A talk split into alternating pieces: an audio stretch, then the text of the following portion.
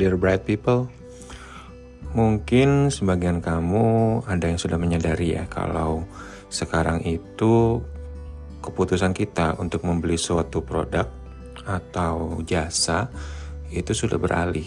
Kalau misalnya dulu mungkin kita terpapar oleh iklan entah itu di televisi atau di media elektronik lainnya atau media cetak. Tetapi sekarang mungkin kecenderungan kita untuk membeli sebuah produk itu dipengaruhi oleh hasil review dari para influencer. Nah, kalau kamu salah satu dari itu, yuk kita bahas yuk bersama saya Dimas P. Muaram di Perantau Ilmu. Assalamualaikum warahmatullahi wabarakatuh. Halo halo, salam sehat, bahagia dan sukses selalu buat para bright people di mana pun berada. Salam dari kota Adelaide, South Australia.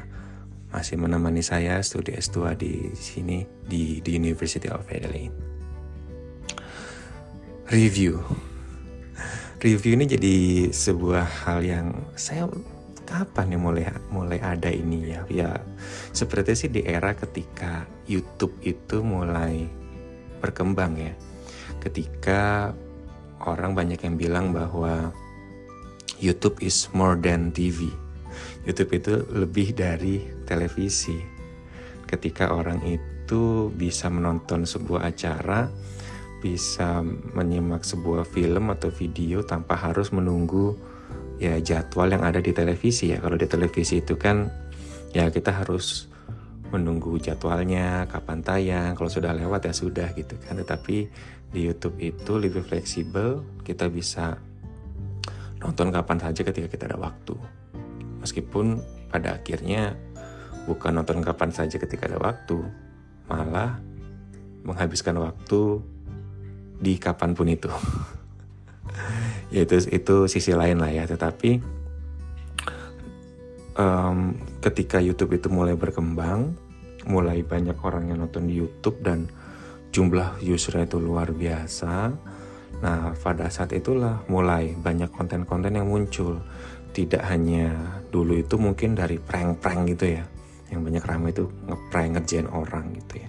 Akhirnya banyak itu reviewer-reviewer atau yang membuat ulasan dari sebuah produk yang masuk ke YouTube dan menurut saya itu menjadi sebuah lifestyle baru untuk kita ketika kita ingin memilih sebuah produk.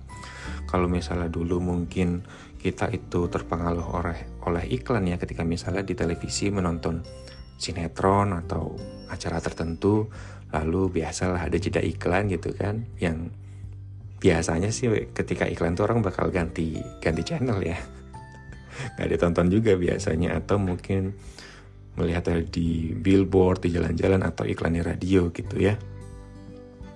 Nah mungkin itu salah satu referensinya tetapi sekarang itu ketika banyak influencer atau orang-orang yang memiliki banyak pengikut atau penonton di di YouTube atau sekarang di banyak media lainnya seperti di Instagram atau di TikTok itu jadi referensi utama malah. Saya sendiri juga seperti itu ketika misalnya um, ingin membeli sebuah produk misalnya kayak contoh iPhone atau produk yang lain contoh misalnya ingin beli AC atau apa pun ya kita tidak punya pengalaman di situ ya kita itu biasanya akan menonton review dari orang.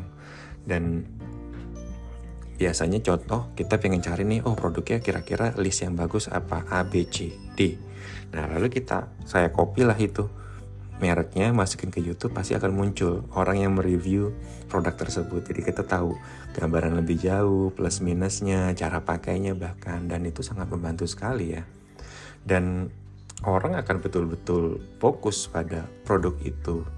Beda ketika iklan ketika iklan itu orang malah akan skip biasanya. Ya contoh lah ketika ada iklan di YouTube pun juga teman-teman juga pasti akan skip. Pada umumnya ya akan skip iklan itu jadi reviewnya jadi sebuah tools yang powerful banget sih untuk mempromosikan sebuah produk. Tapi di luar itu, ketik untuk hal-hal lain selain produk itu pun juga sangat bermanfaat ya review itu. Um, misalnya, ketika dulu saya melamar beasiswa Australia Award, saya juga mencari ulasan-ulasan dari banyak awardee awardee atau scholar-scholar sebelumnya mengenai Australia Awards gitu kan. Bagaimana cara daftarnya bagaimana tips triknya untuk mengisi um, essay beasiswanya atau mengisi aplikasinya. Lalu banyak hal-hal lain lah ya keuntungan dan juga kerugiannya melamar Australia Awards.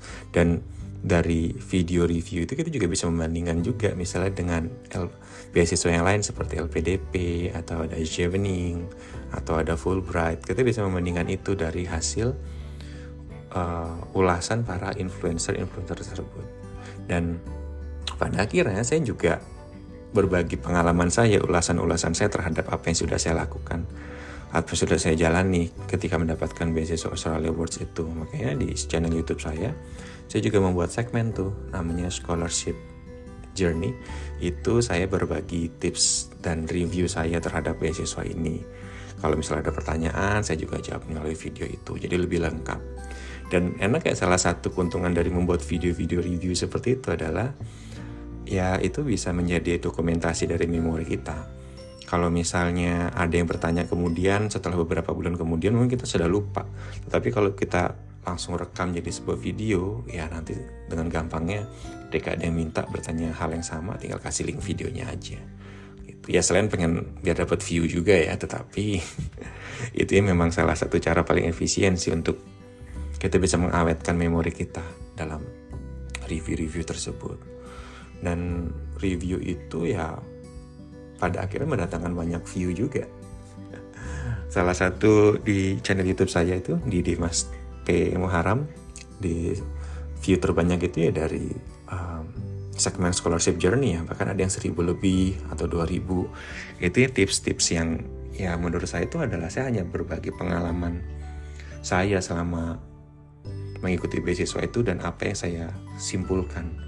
Yang pastinya tidak bisa menjamin kebenarannya karena ya pasti ada tim reviewernya sendiri ada tim seleksinya tetapi itu hasil dari kesimpulan dan uh, analisa saya saja sih gitu. Mau diikuti ya silakan nggak juga nggak masalah. Paling nggak itu juga yang saya lakukan dulu bahwa hasil ulasan para reviewer atau para influencer itu ya saya jadikan referensi tidak 100% lebih karena pasti akan banyak perspektif banyak reviewer beda influencer mungkin beda perspektif beda pandangan dan itu yang bisa kita simpulkan ya menjadi sebuah kesimpulan. Dan review review itu ya sisi negatifnya apa? Sisi negatifnya ya tadi kadang ketika kita itu terlalu banyak menonton review orang untuk hal yang sama atau produk yang sama bisa jadi kita malah bingung jadi kadang-kadang itu terlalu banyak referensi terlalu banyak pilihan tuh kita malah jadi bingung kadang-kadang tidak bisa memutuskan. Tetapi ya pada akhirnya itu tergantung bagaimana kita lagi ya kita bisa mensortir semua itu dan me meng mengetahui bagaimana apa yang memang kita butuhkan. Seperti itu berat people dan itu hmm, pandangan saya soal review dan ini masih menjadi bagian dari tantangan 30 hari bersuara tahun 2022 dari The Podcaster Indonesia yang bekerjasama juga dengan komunitas podcaster Netra Indonesia. Thank you, dia masih signing out and see ya.